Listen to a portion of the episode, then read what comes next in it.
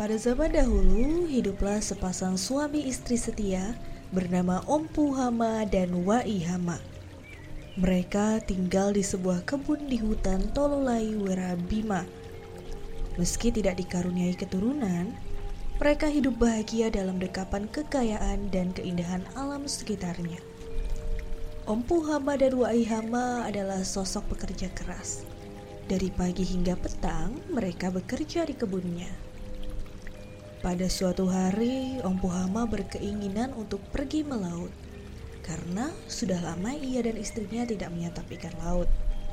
Keinginan itu disampaikan kepada istrinya. Wai Hama, sudah lama kita tidak menyantap makanan laut. Bolehkah saya pergi ke pantai Tololai untuk menangkap ikan-ikan di sana? Tentu saja boleh, Ompu. Pantai Tololai tidaklah jauh dari tempat kita tinggal. Terlebih, sudah lama perahu kita berlabuh di pinggir pantai itu. Betul. Ditambah lagi hari ini langit sangat cerah. Semoga ini pertanda saya akan memperoleh banyak ikan untuk kita santap. Kalau begitu, bolehkah aku menemanimu, Ompu? Boleh, istriku. Sepanjang jalan menyusuri pantai, Om Puhama dan Wai Hama disambut nyanyian angin yang semilir menghadirkan kesejukan. Kicau burung pun asyik melantungkan senandung pagi. Dalam perjalanan tersebut, Wai Hama mulai membuka perbicaraan. Ompu, semalam saya bermimpi. Apa gerangan mimpimu, Wai Hama? Sebelum saya bercerita, dapatkah Ompu mengartikan mimpi saya? Aku bukan peramal mimpi. Tapi mungkin saja dari mimpi itu akan ada ketukan hati dan perasaanku untuk menebak apa gerangan yang akan terjadi kelak. Perjalanan kita di pantai ini seperti yang ada dalam mimpi itu. Maksudmu? Perjalanan ini seperti mengikuti keinginan mimpi itu. Ketika kita berjalan di pantai ini, tiba-tiba banyak sekali kapal dan perahu berlabuh. Pada mulanya, damai saja kelihatannya. Tetapi tak lama kemudian, terjadi perkelahian yang sangat hebat. Namun pada akhirnya, perkelahian itu berakhir juga namun anehnya, apa yang aneh? Pepohonan di sekitar tempat ini menjadi lebat dan rimbun. Tanah kita menjadi subur dan banyak tumbuh pohon-pohon yang belum pernah tumbuh di sekitar sini. Apakah gerangan tafsir mimpi itu, Ompu? Sejenak, suasana menjadi hening. Keduanya berdiri dekat sampan yang memang sering diletakkan di pinggir pantai itu. Om Puhama menatap hamparan pasir putih dan laut biru yang membentang. Sedangkan Wai Hama asyik saja memeriksa sampannya dan mengatur keperluan untuk melaut di pagi hari itu. Dalam firasatku, kita akan kedatangan tamu istimewa. Namun, kedatangannya akan membawa sedikit gejolak. Tapi kita tunggu saja apa yang akan terjadi. Dua insan itu kembali menekuni kegiatan yang dilakukan.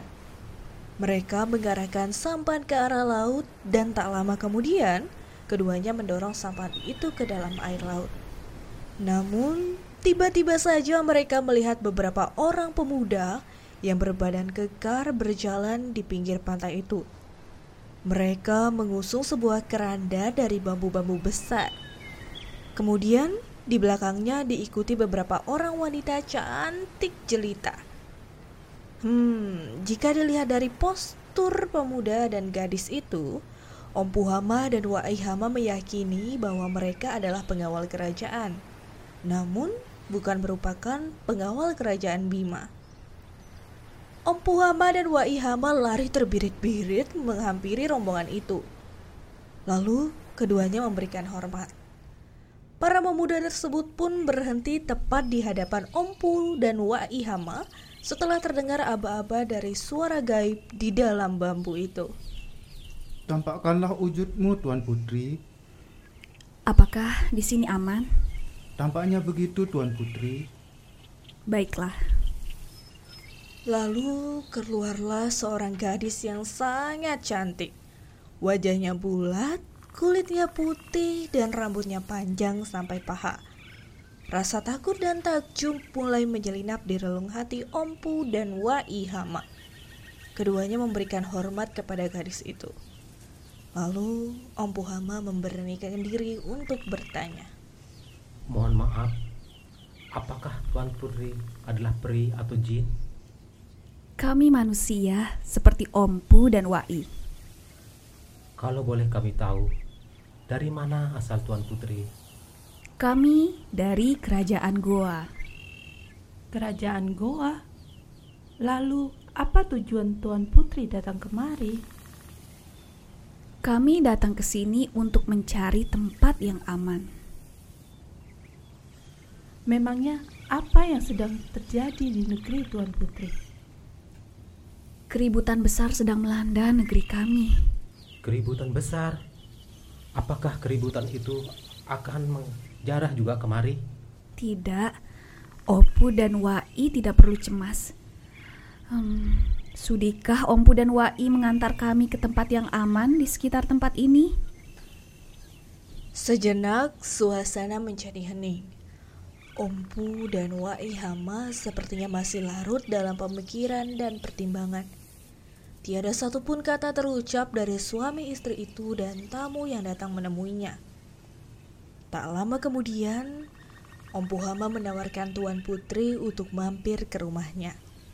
Sesampainya di rumah, Om Puhama memerintahkan istrinya untuk menyiapkan beberapa potong ubi bakar dan pundi air untuk disuguhkan kepada tamunya. Mohon maaf Tuan Putri, kami ingin tahu banyak tentang sebab-sebab Tuan Putri kemari. Ceritanya panjang, Ompu. Ceritakanlah Tuan Putri, agar kami tenang dan tidak menebak asal-usul Tuan Putri, serta nestapa yang sedang dialami saat ini. Baiklah, akan saya ceritakan semua yang terjadi pada diri saya agar Ompu dan Wai tahu siapa saya yang sebenarnya. Tapi hanya satu hal yang saya minta. Jangan sampai cerita saya ini diketahui oleh orang lain selain Ompu dan Wai. Apalagi jika sampai ke istana kerajaan Bima. Ompu Hama terus meyakinkan agar gadis itu mau bercerita. Lalu gadis itu memulai kisahnya. 25 tahun silam, Raja Goa menikah dengan salah seorang gadis yang teramat cantik seantero negeri itu. Mereka hidup bahagia dalam jalinan cinta kasih yang memang telah tumbuh sejak lama. Namun, mereka tak kunjung memperoleh keturunan untuk melanjutkan silsilah kerajaan. Segala upaya telah dilakukan, akan tetapi tak pernah menampakkan hasil. Kakanda terlihat murung akhir-akhir ini. Saya yakin bahwa kemurungan itu karena masalah yang kita hadapi. Jika suatu saat Kakanda berkeinginan kawin lagi, saya ikhlas dan pasrah. Tidak, Adinda. Aku tidak tega berbuat demikian terhadapmu. Sudah, jangan pernah kau ucapkan kalimat itu lagi. Pada suatu hari, raja dan permaisuri menemukan seorang bayi perempuan yang terdampar bersama sebuah rakit di tepi pantai. Setelah melalui pertimbangan demi pertimbangan, mereka memutuskan untuk mengangkat bayi itu sebagai anaknya.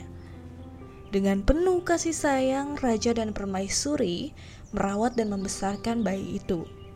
Waktu terus bergulir dan bayi itu beranjak remaja dan menjadi gadis yang cantik dan lucu. Hingga setelah beberapa tahun berlalu, sang permaisuri jatuh sakit. Dukun dan tabib datang silih berganti. Namun tetap saja hasilnya sia-sia. Penyakit permaisuri semakin lama semakin parah. Kakanda Raja, sebelum aku pergi untuk selama-lamanya, maukah Kakanda menjalankan wasiatku? Apa wasiatmu, Adinda? Jika Kakanda ingin menikah lagi sepeninggalku, maka carilah wanita yang jarinya cocok untuk mengenakan cincin ini. Kemudian permaisuri menunjukkan cincinnya, dan raja mengeluarkan cincin itu dari jarinya. Perlahan permaisuri menghembuskan nafas panjang, diiringi beberapa butiran bening dari kelopak matanya yang sudah mulai tertutup. Sang suami pun menangis terseduh-seduh di dekat tubuh yang sudah terbujur kaku tersebut. Pagi yang cerah diiringi kicau burung dari ranting-ranting pohon telah mengantar kepergian sang permaisuri untuk selama-lamanya.